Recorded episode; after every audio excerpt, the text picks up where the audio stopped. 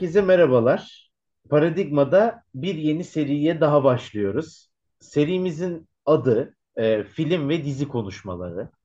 Bugün ilk bölümünü çekiyor olacağız bu serinin ve e, bu seride aslında yapmak istediğimiz şey işte güncel film, dizi e, ve olaylar eşliğinde aslında bir analiz yapmak. E, filmde, dizide bize neler anlatıldığını konuşmak. Bunlar sadece siyaset bilimi, uluslararası ilişkiler özelinde değil, daha çok hani sosyal bilimleri ilgilendiren aslında filmler, dizilerde olabilir. Dolayısıyla gelecek bölümlerde de bunları hep birlikte uzmanlarla, arkadaşlarımızla konuşmak istiyoruz. Bugün de e, çok kıymetli bir arkadaşımızla Netflix'te e, Şimon Perez belgeselini konuşacağız. E, yani belgeselin filmin diyelim adı Never Stop Dreaming olarak çıktı İngilizcesi. The Life and Legacy of Shimon Peres, Richard Trank tarafından yönetildi ve e, seslendirmesini George Clooney yapmış. Ve işte belgeselde Shimon Peres'in hayatına dair pek çok ipucu bulmak mümkün. İki saati aşan bir e, belgesel film diyelim. Bugün kimle konuşacağız bu belgesel filmi? Çok sevgili arkadaşımız Gökalp Badak bizlerle. Gökalp Hacettepe'de okuyor e, ve dördüncü sınıf öğrencisi. İsrail'i de yakından takip ediyor e, akademiye hazırlanan çok parlak genç bir arkadaşım, sevgili dostum. Gökalp'cim hoş geldin. Hoş bulduk. Hoş bulduk Erman'cığım. Paradigma'ya da hoş geldin. Şimdi bugün Hoş bulduk. senin de ilgi alanın olan ve sonradan işte beraber de izlediğimiz, hani benim çok çalışma alanım olmayan e, İsrail'i konuşacağız ama gerçekten çok ilginç bir Evet. belgesel. Yani e, bu tarz böyle Borgen gibi hani kurmacı olabilir ama gerçek olursa daha da ilgimizi çekiyor bence. Benim ilgimi çekiyor. Biyografik tarzında böyle belgesel filmler gerçekten bizim için bulunmaz nimet. Bir sürü eleştirisi oluyor tabii ki. Şu yanlarını yansıtmamışsınız diyorlar vesaire. Ama yine de bence çok iyi bir kaynak oluyor. Ee, Peres özelinde de tabii yani çok e, enteresan bir siyasi kişilik. Özellikle hani İsrail'de şu anda da Türkiye gündeminde de çok yaygın Evet. politikasında değişiklikler var. İsrail'le yumuşama dönemi. Ama ben Türk basında ya da işte yabancı basında daha fazla gündeme gelmesini beklerdim bu e, belgeselin diyeyim. Senin de görüşlerini alacağım. Hani çok göremedik seninle yaptığımız araştırmada. O yüzden Evet. e, umarız hani bu bölüm nacizane bir katkı olur. Beraber düşünmeye teşvik eder insanları. E, Şimon Perez'le ilgili tabii çok ben, yani şeye girmeye gerek yok ama Tabii. e, 1923-2016 arasında Hı hı. e, siyasi yaşamını sürdüren bir lider. Çok E, uzun bir siyaset yaşamı var. çok Biliyorsun 66 yıl.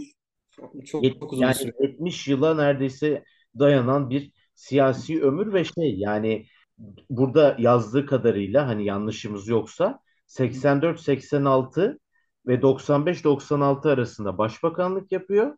Evet. 2007-2014 arasında da İsrail'in 9. Cumhurbaşkanı olarak görev alıyor. Evet. Hı. Ee, 12 tane kabine ve 5 tane de farklı siyasi parti geçmişi var. Hiç kolay bir şey değil. Yani bu filmi belgesel seyrettiğin zaman genel seni etkileyen ya da böyle beğenmediğin yönler varsa onları alalım. Ee, sonra böyle sohbet şeklinde devam ederiz. Olur, olur çok iyi olur. Ben öncelikle şuradan başlayayım. Bence belgeselin en güzel noktası ya bir siyasetçinin sadece e, siyasi başarılarına ya da siyasette başarısız olduğu noktalara odaklanmaması, hayatının genelini bir çerçeve içinde anlatması. Yani doğumundan, yetişme tarzından, birlikte olduğu insanlardan tutun da e, gelecekte siyasi yaşamında verdiği kararları etkileyecek tüm olaylara kadar hepsinin bir arada verilmesi çok hoş bir şey. Çünkü bizim uluslararası ilişkilerde de çok çalıştığımız bir şeydir. Karar alma mekanizması nasıl çalışır? Bir lider nasıl karar alır? Bunlar çok önemlidir. Yani Şimon Peres'in yaşamında da çok örnekleri var. Bunu da görüyoruz.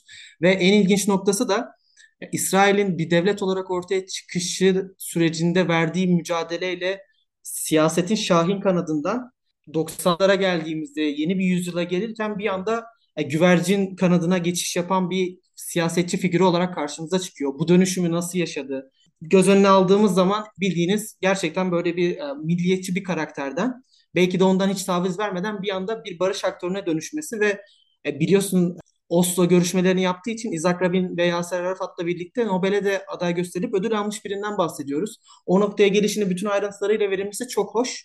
Ama tabii ki yani e, tamamen olumlu izlenimler edilmesi veya bu belgesel hakkında olumlu yorumlar yapılması beklenemez. Çünkü ülkemizde de muhtemelen bir siyasi figür hakkında böyle bir belgesel yapılsa "E ama bakın burada da böyle şeyler yapmıştı bunları hiç vermemişsiniz yorumları yapılacaktır. Herkes memnun etmek mümkün değil ama ana hatlarıyla bence hayatın geneline, bütün odak noktalarına e, vurgu yapılması bakımından çok değerli. Ben de katılıyorum sana. Yani ya bugünkü Belarus e, toprağından. İsrail'e uzanan hani bir kuruluş öyküsü, bir Evet. siyasetçinin yetişme öyküsü ve gerçekten siyaset kariyerinin başından sonuna kadar e, çok farklı insanlarla çalışıyor Çok. İsrail'de. Pek çok yurt dışı gezisi yapıyor. Avrupa'ya gidip geldiği zamanlar hani İsrail'in tam kuruluş zamanı işte Ben. Gurion'u çok hı. belgeselin neredeyse bir 30-45 dakikasında Ben Gurion değil mi? Çok fazla önde. Hani onunla Çok etkili. Bir çok de et- şey çok hoş değil mi bilmiyorum senin dikkatini çekti mi? Şimon Perez eksikliklerinden de gocunmayan bir adam. Yani sürekli bunu vurguluyor. Mesela Ben Gurion ona bir görev verdiği zaman bir yere görüşmeye gideceği zaman ya benim diyor tek kelime İngilizce bilgim yok. Nasıl yapacağız diyor. Benim lise diplomam bile yok. Nasıl halledeceğiz bunları diyor.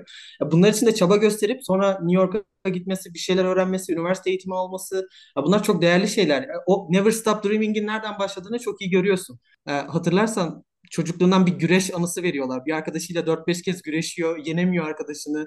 Anneannesi artık bırak yeter Şimon diyor. Belki bir sonraki sefer kazanacağım. Nereden biliyorsun diyor. Ya çok çok iyi. Çok iyi bir şey bu. hem böyle dediğin gibi kişisel yanlarını vermişler. Ee, hem de hani biraz da böyle siyasi işte kimlerle çalıştı, hı, onlarla nasıl müzakerelere girdi. Parti içi siyasetine de çok girmişler. Yani çalıştığı, işte gördüğü yani beş siyasi partide ve kabinelerde e, nasıl düşüş yaşadığı, nasıl çıkış yaşadığı.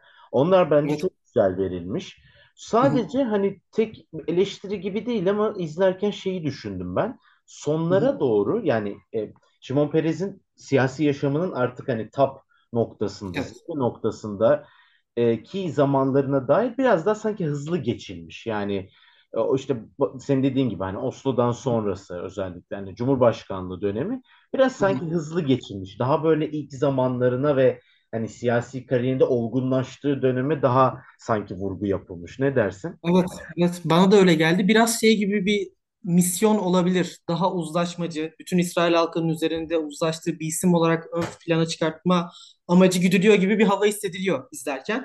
Bunu fark ediyorsunuz. Belki de yapılabilecek en büyük eleştiri bu olabilir. Hakikaten yani hiç mi başarısızlığı yoktu? Yoksa ha, İsrail halkının tamamının gözünde gerçekten böyle bir figür mü? Bunu sorguluyorsunuz. Ama tabii ki yani bu biyografi işlerinde olsun, belgesel işlerinde olsun bir bakış açısına bağlı kaldığınız zaman bütünlüğü koruyabiliyorsunuz. Bence yapımcılar da onu amaçlamış. Yani Kesinlikle. onu amaçlamışlar. E, uluslararası ilişkiler bağlamında da Hı hı. biraz düşünürsek belgeselde dikkatimi çeken şey Hı hı. liderler geçidi olması belgeselde. Ama Evet. tabii bu Amerika başkanlarına sanki Amerika. ayrılmış. Arka Evet, evet. işte Bush'u görüyoruz, Obama'yı Bush var. görüyoruz, Clinton var. görüyoruz. Ve yani hepsiyle yaşadığı ilişkiler cenaze töreninden başlıyor Evet. belgesel. Ve sonra ara ara serpiştirilmiş hem biyografisinin yazarı Evet. arada çok konuşuyor. Ee, bir yere kızı çok devreye giriyor. Oğlu Çok devreye giriyor. Oğlu var. Ee, ve şey hani isimlere çok takılmadan geçiyoruz. Hani ana hı. hı. şeyimiz Evet. daha kişiler üzerinden evet. hani e, genel belgeselin bize ne anlattı ama e, bu uluslararası ilişkiler bağlamında başkanların Amerikan başkanlarına bu kadar yer verilmesi tabii ki bence Güzel doğal. bir mesaj. E, ve ya onları görünce sen ne düşündün? Ya onların konuşmaları, Şimon Perez'i anlatırken dedikleri böyle dikkatini çeken noktalar oldu mu? oldu. Hep bahsettiğimiz şey Amerikan siyasetinden bahsederken e, İsrail lobisi tırnak içerisinde hep geçer Amerikan siyasetinden bahsederken onun etkisini çok net biçimde görüyoruz. E, Son döneme damgasını vurmuş 3 Amerikan başkanının arka arkaya sürekli çıkıp Şimon Perez'le olan anılarından bahsetmesi, onlardan ondan neler öğrendiklerine atıfta bulunması, e, cenaze törenindeki görüntülerin sürekli verilmesi bunlar e, önemli mesajlar. Bir yandan şunu anlıyoruz aslında bir ülkenin ana müttefikinin ne derece etkin olabildiğini görüyoruz. Bir yandan da hakikaten o İsrail-Amerika ilişkilerinin ne kadar derin olduğunu da hissediyorsunuz orada. O da görülüyor. O anlamda güzel bir mesaj verilmiş. Kesinlikle bir de yani aklıma gelen şey özellikle böyle kişiliği üzerinden çok e, şey yapılmış. Çok. Sanıyorum hep öyle sormuşlar. Bir de şey tabii hani sonra ona da geliriz. Mesela Barbara Streisand eklemesi enteresan. Kişisel favorisi Şimon Perez'in bir şarkıcı. Ee, yani Yahudi bir şarkıcı bildiğim kadarıyla. Evet. Ee, Barbara Streisand'de de hani sanatçı kişilikten de bir sanatçı kişilikten de Şimon Perez'i dinlemek Hı enteresan olmuş. Biraz böyle farklı kişilere de yer vermişler ama genellikle hani benim e, aklıma takılan işte Şimon Perez'in kızı, oğlu, e, eşi zaten vefat ediyor Sonya. O tabii ona yer veremiyorlar ama biyografisinin yazarına yer veriyorlar. Amerikan başkanları var ve Netanyahu var. Netanyahu çok ilginç. Onlara doğru o çıkıyor ve hani aslında girdikleri rekabeti anlatıyor. Simon Perez'le. Orada şimdi günümüzde de tabii Netanyahu çok aktif olduğu için e, enteresan oldu. Sen ona dair ne düşünüyorsun? Çok çok değişik bir süreç çünkü Netanyahu'nun siyasi sahneye çıkışıyla birlikte aslında Perez'in de en yüksek seviyede olduğu dönem çakışıyor birbirine. 95-96 dönemi, o ikinci başbakanlık dönemi Netanyahu'nun da çıkış yaptığı döneme denk geliyor. O anlamda hem siyasi sahada çarpışmış olmaları diyeyim, hem de e, daha sonrasında Perez'in Cumhurbaşkanlığı döneminde Netanyahu'nun da başbakanlık yapıyor olması ilginç bir tesadüf. Yani farklı pozisyonları temsil ediyorlar siyasi anlamda. Netanyahu Perez ne diyorsa tam tersini söyleyen bir adam.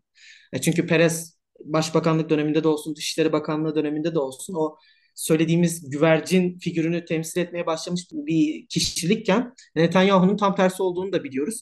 E, o anlamda bir siyasetçinin başbakanken ve oy kaygısı varken ortaya koyduğu pozisyonla Cumhurbaşkanı olduktan sonra ortaya koyduğu pozisyon arasındaki farkı çok iyi anlıyoruz. Buna eğer Türk siyasetine e, bir atıfta bulunacak olursak bu Demirel için çok söylenir. Yani başbakanken ortaya koyduğu tavırla Cumhurbaşkanı iken ortaya koyduğu tavır arasında kadar fark vardır. Ya, Ama Şimon Peres de sanki bu aşırı bir değişim göstermiyor. Bana öyle geldi yani.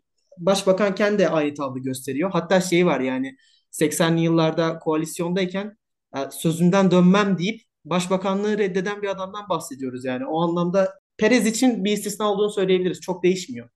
Evet. Bu arada yani şeyi de atlamamamız lazım hani izlemeyenler için. Şimon Perez'in e, görüntüleri yani bizzat böyle yapılan e, röportajlardan yani sanıyorum belgesel için çekilmiş çünkü özel. Yani ölümünden önce e, de çekilen görüntüler var. Dolayısıyla Şimon Perez'in kendi ağzından da dinliyoruz Evet. aslında kendi sürecini. Bayağı da yer verilmiş bu arada hani böyle az verip geçiştirilmemiş. O yüzden de bence çok kıymetli. Muhtemelen çok uzun zamanda yayılan bir çekim süreci var. Ee, çok böyle bilgiye ulaşamıyoruz maalesef belgesel hakkında. Yani arka planı vesaire. Hani o konuya bir not düşmek gerekebilir. Ee, biraz hani yabancı ve yerli basında çok e, böyle biraz es geçilen aslında daha fazla belki sağdan soldan böyle eleştirileri, övgüleri alabilecek, analizi hak edecek yapım. Yani o açıdan da hani onu da söylemeden geçmek istemedim. Seninle kaldığımız yerden devam edelim. Hı. Cumhurbaşkanlığına geçtiği zaman o pozisyonu da değiştirmeye çalışıyor. Yani aktif bir cumhurbaşkanlığı yapacağım ben diyor ve aktif rol almaya başlıyor.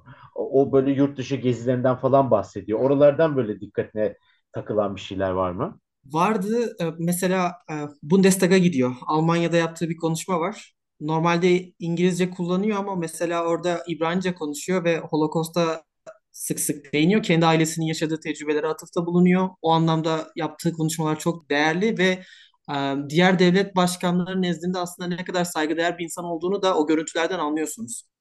Çünkü yaşını başına almış yani dünya üzerinde pek de örneği olmayan bir figür aslında o dönem için baktığınız zaman bu kadar uzun süre bu kadar aktif görevde bulunması ve dediğin gibi e, çok aktif bir cumhurbaşkanı olarak görev yapıyor. Normalde İsrail'deki cumhurbaşkanlığı pozisyonuyla eski Türkiye'deki cumhurbaşkanlığı pozisyonu çok benzer pozisyonlar. Yani temsil görevi olan bir pozisyon, uz- uzlaştırmacı bir pozisyon, siyasileri bir araya getiren bir pozisyon. Ama onu değiştirmeye çalışıyor. Bu da belgeselin tamamına yansıyan sürekli bir karakter analizi var Şimon Perez'le ilgili. Orada gerçeği gösteriyor. Ne anlamda gösteriyor? Ben yerimde duramam diyor. Hareket etmem gerekiyor diyor. Aktif olmam gerekiyor. Ben sabırsız bir insanım diyor. O anlamda o Cumhurbaşkanlığı sürecinde de bunu net olarak görüyoruz. Evet ve hatta e, özellikle eşi ve çocuklarıyla olan kişisel özelliklerine de çok değinilmiş. Şimdi sen öyle deyince aklıma da e, belgeseldeki bir başka nokta geldi. Bu arada bazı noktalarda hani spoiler'a varan şeyler söylüyoruz ama bir hani siyasetçinin artık yaşamda olmayan bir siyasetçinin e, hayatı anlatıldığı için yani çok fazla spoil edecek nokta yok zannımca. Hani biraz böyle üzerine konuşmaya çalışıyoruz.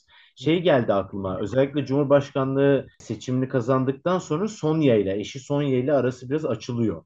Ona da yer Evet, vermiş ve orada böyle bir pişmanlığını görüyoruz. Kendi de söylüyor ama orada biraz artık son yıllarında yine siyaseti kişisel yaşamının önüne koyan bir figürden bahsediyoruz sanki. Ne diyorsun? çok bence görev adamı olması yaşamın her alanına yansımış. Ya bunu da görüyoruz çünkü e, dediğin gibi Cumhurbaşkanı seçildikten sonra kendisi Kudüs'e gidiyor görevi gereği ama eşi Tel Aviv'de kalacağını söylüyor ve onca yıllık birliktelik, onca sevgiye rağmen birbirlerine karşı çok derin bir sevgileri var. Onu da hissediyorsunuz belgeselde. Ama ona rağmen ben görevin başındayım diyor ve Kudüs'e gidiyor. Eşi orada kalıyor ki bildiğim kadarıyla eşinin ölümüne kadar da daha az görüşebiliyorlar çok bir görevde olduğu için. Ama bunu hiç dert etmeyen bir adam. Yani Evet, tamamen hakikaten hayallerinin peşinde gitmek ömrünü adamış bir insan. Yani bunu görüyorsunuz. Bunu görüyorsunuz. O yüzden o anlamda değerli dediğin gibi. Ya bir siyasetçinin sosyal yaşamını nasıl şekillendirdiğine dair de güzel ipuçları çıkıyor aslında. kesinlikle. Bir sonraki bölümde de umarım Borgen'i konuşacağız. Borgen tabii. Umarım. Seninle de sohbet ederken konuşmuştuk. hı. Yani e, bir gerçek hayat hikayesi bir de kurgu hikayesi. İkisinde de benzer temalar var. Yani hep o siyasi yaşamın yoğunluğu Evet. karşısında özel yaşamın e, farklılığı ve ikisini idare etmeye çalışan siyasi Evet. figürler. Borgen'de de bu tema çok güzel işlenmişti. Dolayısıyla kurgu olsa dahi bence bize çok güzel ipuçları veriyor. Onu da umarım gelecek ay konuşacağız. Yani bir sonraki Umarım, umarım. tartışma. Muhtemelen Borgen'i konuşuyor olursak ara ara Şimon Peres'in belgeselleri atıfta bulunuruz. Çünkü güzel geçişler olabilir arada. Onları kaçırmamak gerekiyor. Böyle zaten seri boyunca hem kurgu hem gerçek hikayelerden alıntı şeyleri izliyor olacağız büyük ihtimalle. Planımız o yönde. Yani o yüzden ve birbirleriyle bağlayarak aslında toplu bir değerlendirme yapsak ne kadar güzel olur. Yani Çok e, olur. Devamlılıklar var mı? Hı. Hangi temalar hangi belgesel filmlerde farklı işlenmiş? Aynı öyküler farklı belgesellerde nasıl sahnelenmiş diyelim, Evet. kurgulanmış. Bir Ondan nevi karşılaştırmalı bir podcast listi gibi düşünebiliriz. O güzel olur. Kesinlikle. Ee, özellikle şimdi uluslararası ilişkiler derken tabii hani biraz daha sanki derinine girmemiz gereken şey Arap-İsrail savaşları. Aa, evet. İsrail'in Filistin'le olan e, sıkıntıları, mücadeleleri. E, Şimon Peres tabii bu konuda çok aktif bir rol oynuyor. Bütün yer aldığı siyasi Evet. partilerde e, Hı hı. savunmada yer alıyor, dış işlerinde yer alıyor. Dolayısıyla çok farklı pozisyon değiştiren hani de bir lider olarak görüyoruz. Senin bu e, özellikle Filistin ve Arap, işte Arap-İsrail savaşları o tarihçe kurgusunda gözüne takılan, aklında kalan e, olaylar, şeyler neydi belgeselden? Bence en çarpıcı olan nokta başta da söylediğimiz gibi Şimon Perez'in gerçekleştirdiği dönüşüm. Yani siyasi kariyeri boyunca bir noktaya bağlanıp orada sabit kalan bir figür değil. Asla değil. Ya mesela şöyle bir gerçek var. E, İsrail savunma endüstrisinin kurulmasında da silahlı kuvvetlerinin oluşturulmasında da e, Siyonist gençlik örgütlerinin bir araya gelmesinde de çok önemli payı olan bir figür. Ama bunlara rağmen yeri geldiğinde barış için adım atabilen bir figür olarak da önümüze çıkıyor. Ve hatta kendisine bunun oy kaybettireceğini bile bile yapıyor. Bile bile yapıyor ki İshak Rabin'in suikasta uğradığı akşam yapılan mitingden de görüntüler var. O akşam neler yaşadığını da anlatıyor. O da çok önemli bir şey. Ama bir anlamda bir siyasetçinin, bir devlet adamının gerektiği zaman ülke çıkarlarını da göz önünde bulundurarak kendi siyasi kariyerini bir kenara bırakıp nasıl hareket edebileceğinin çok somut bir göstergesi. Bu anlamda sabit kalmamak ve gerçekten ülkenin geleceği için, iyiliği için ne gerekiyorsa onu yapmak noktasında iyi bir örnek. Bu bugün baktığımızda muhtemelen bu belgeseli izleyen ya da hiç izlemeden Şimon Perez hakkında fikrini soracağımız bir İsrailli karşımıza gelse belki de bugün onu tırnak içinde teröristlikle veya vatan hainliğiyle suçlayabilir. Ama kendisine sorarsanız Şimon Perez'in bence bunun böyle olmadığını çok iyi anlatır. Çünkü bahsettiğimiz figür dediğimiz gibi İsrail'in savunma endüstrisinin kurulmasında da ordusunun örgütlenmesinde de ve nükleer güce erişmesinde de orada çok payı olan bir insan. Ama buna rağmen e, gidip Nobel Barış Ödülü'ne sahip olan bir insandan bahsediyoruz. O anlamda çok değerli. Ama bu barışa giden yolda hem İsrail içerisinde çektiği zorlukların da verilmesi, kabine içinde yaşadığı sıkıntıların verilmesi çok önemli. E, çünkü bu yekpare bir bütünlük içinde olan bir durum değil. Bir sürü itiraz geliyor kendisine ama bunları bir kenara bırakıp inandığını yapması da belgeselin tamamını değiştiren karakteristik özelliğinin en önemli göstergelerinden biri.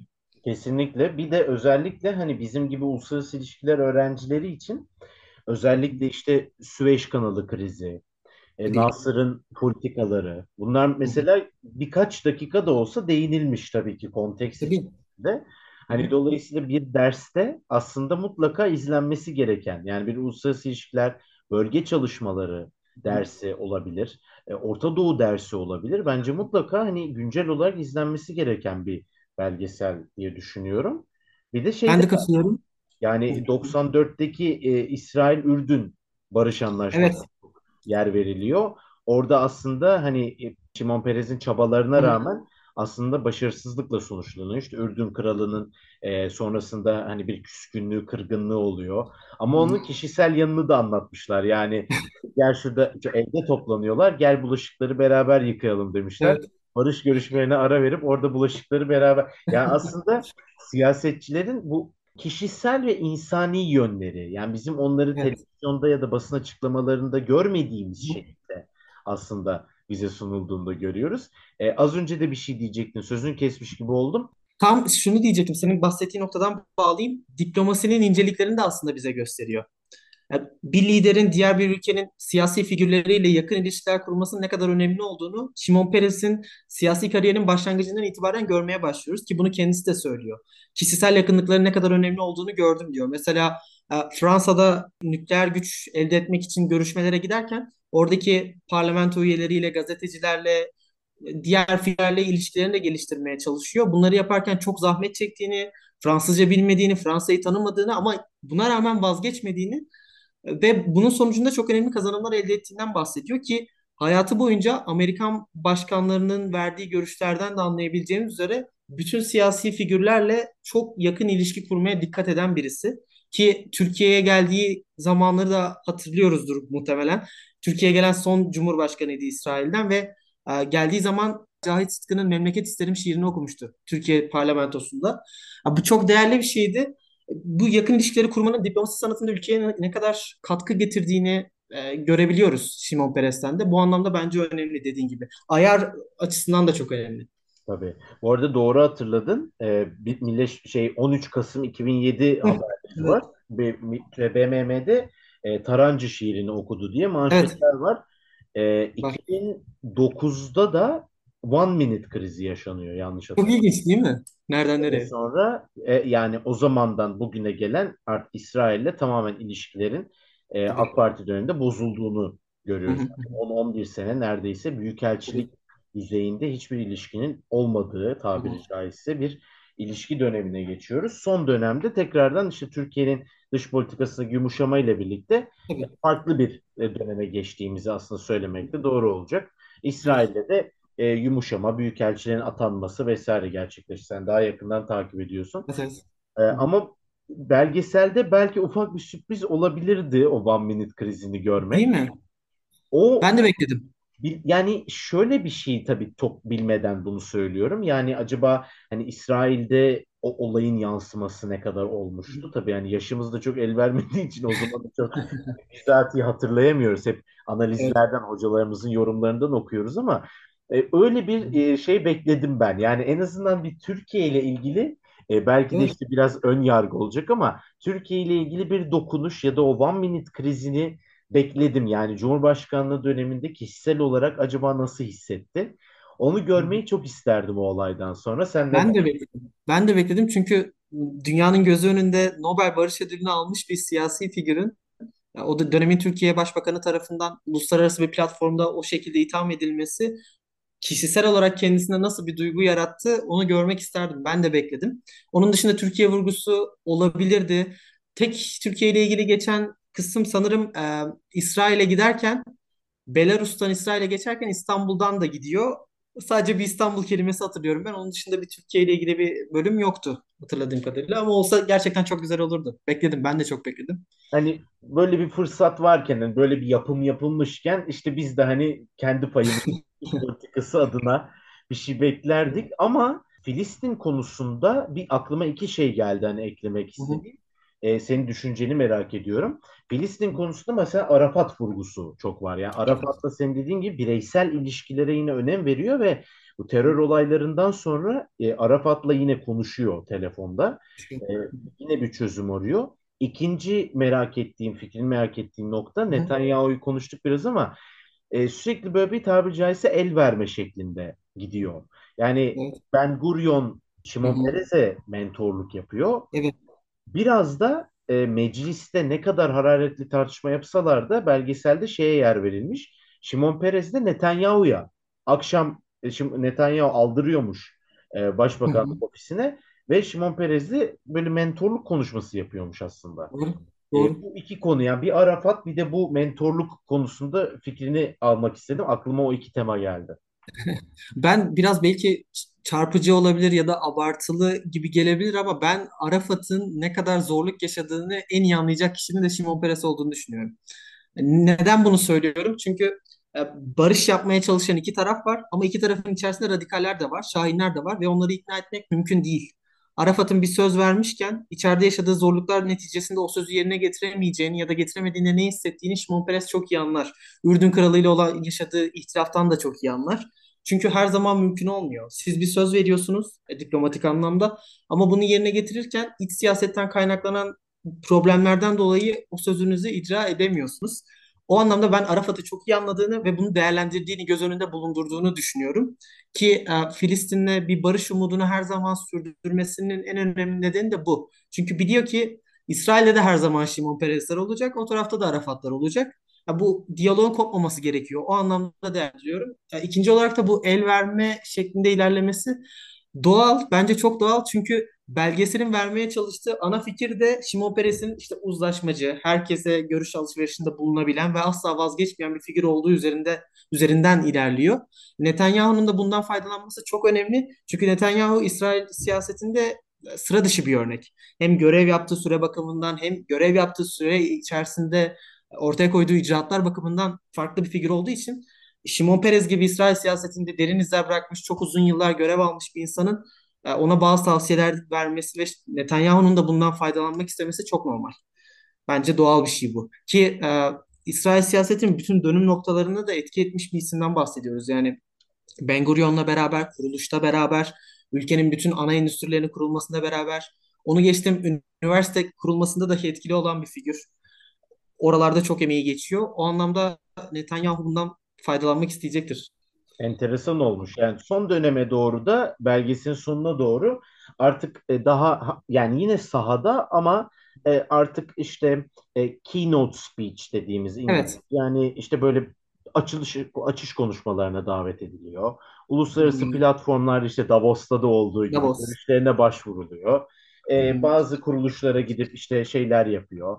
Yardım hı. yapıyor. E, özellikle bunu eşi Sonya'dan da öğreniyoruz. Yanlış hatırlamıyorsam e, o yani yaşadıkları mütevazi evde özellikle Evet. hani birikimlerini de sonra bağış yapılması üzerine vasiyet Evet. etmiş. Yanlış hatırlamıyorsam sen beni düzelt. Ve yani son e, zamanlarına doğru yine aktif ama daha böyle hayır işleri, çocuk ve gençlerle bir araya gelme, Kitap yazıyor. kitap yazıyor. Bu şekilde değerlendiriyor. Hani yavaştan belki programın sonuna doğru gelirken istersen böyle bir özet e, Olur. duyalım Olur. senden. Böyle biraz da genel hani düşüncelerini bu son dönemine dair alalım hocam. Son dönemde az önce bahsettiğimiz o uzlaşmacı kişiliğiyle biraz ulusüstü figür olarak önümüze çıkıyor.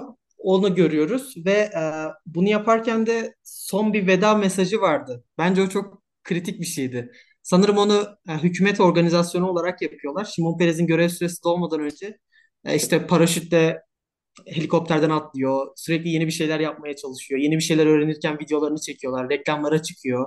Burada şey mesajını vermeye çalışıyor. Yani bu yaşıma geldim. Hala yeni şeyler öğrenmekten bıkmıyorum. Hala uzlaşmacıyım. E, Benim bu tavrım çok önemli. Bunu değerlendirin. Gençlere de ilham verme amacını taşıyorum. Bunu veriyor ve aynı zamanda e, İsrail içerisindeki yanlış hatırlamıyorsam e, Filistinli vatandaşlarla da diyaloglarına dair videolar veriliyor ve barış umudunu son döneminde dahi sürdürdüğünün mesajı da veriliyor. Bu anlamda çok değerli. Biraz bilmiyorum sen ne dersin ama son olarak şuna da değinmek isterim. Biraz sanki İsmet İnönü'nün siyasi kariyeriyle benzermiş gibi bir hava var bende. Hani o İsmet İnönü'nün getirdiği olgunluk siyaseten e, son anına kadar öğrenme heyecanını hiç kaybetmemesi. Meşhur bir videosu vardı. Bu yaşıma geldim hala hiçbir şey öğrenmekten vazgeçmedim gibisinden. O anlamda ben biraz İsmet İnönü'ye benzettim. Bilmiyorum sen ne düşünürsün? Çok güzel bir analoji yaptın bence ve aklıma şöyle bir şey getirdin. Onu söylemek isterim. Yani Türkiye'de tabii mesela 32. gün gibi çok güzel hani Evet. böyle siyaset belgeseli bize üniversitede yıllarca kaynaklık yapmış şeyler izlesek de bu tarz kişiler özelinde yani bütün cumhurbaşkanları olabilir. Atatürk hakkında tabii ki çok Evet. yapıldı Hı ama yine hı. hala yapılması gerekiyor bence.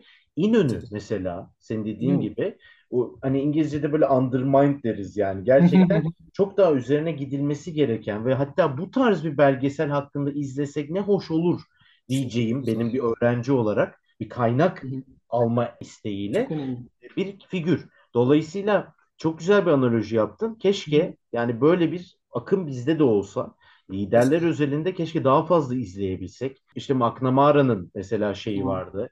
Onda bir Dışişleri Bakanı'ndan neler dinlemiştik mesela. O, yani onun gibi keşke e, pek çok böyle belgesel yapılsa. Tabii ki bunlar çok masraflı işler. Çok büyük Evet. bütçe gerektiriyor ama e, bir öğrenci olarak da hani bunu da söylemeden geçemedim yani. Sen şimdi böyle deyince gerçekten çok katılıyorum ve akademik olarak da karşılaştırmalı bir çalışma da yapılsa Yapılabilir. e, lider mesela Yapılabilir. leadership trait analysis diyoruz işte dış politika analizinde.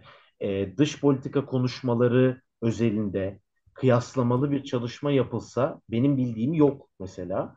E, Benim Perez ve İnönü arasında çok enteresan olabilir. Tam çağdaş değiller tabii ama hani Değil. Evet. kesiştikleri bir bayağı bir dönem var. Bir 50 senelik bir dönem yanlış hatırlamıyorsam Var. Vefatına kadar Hı aslında hani çağdaş da diyebiliriz aslında.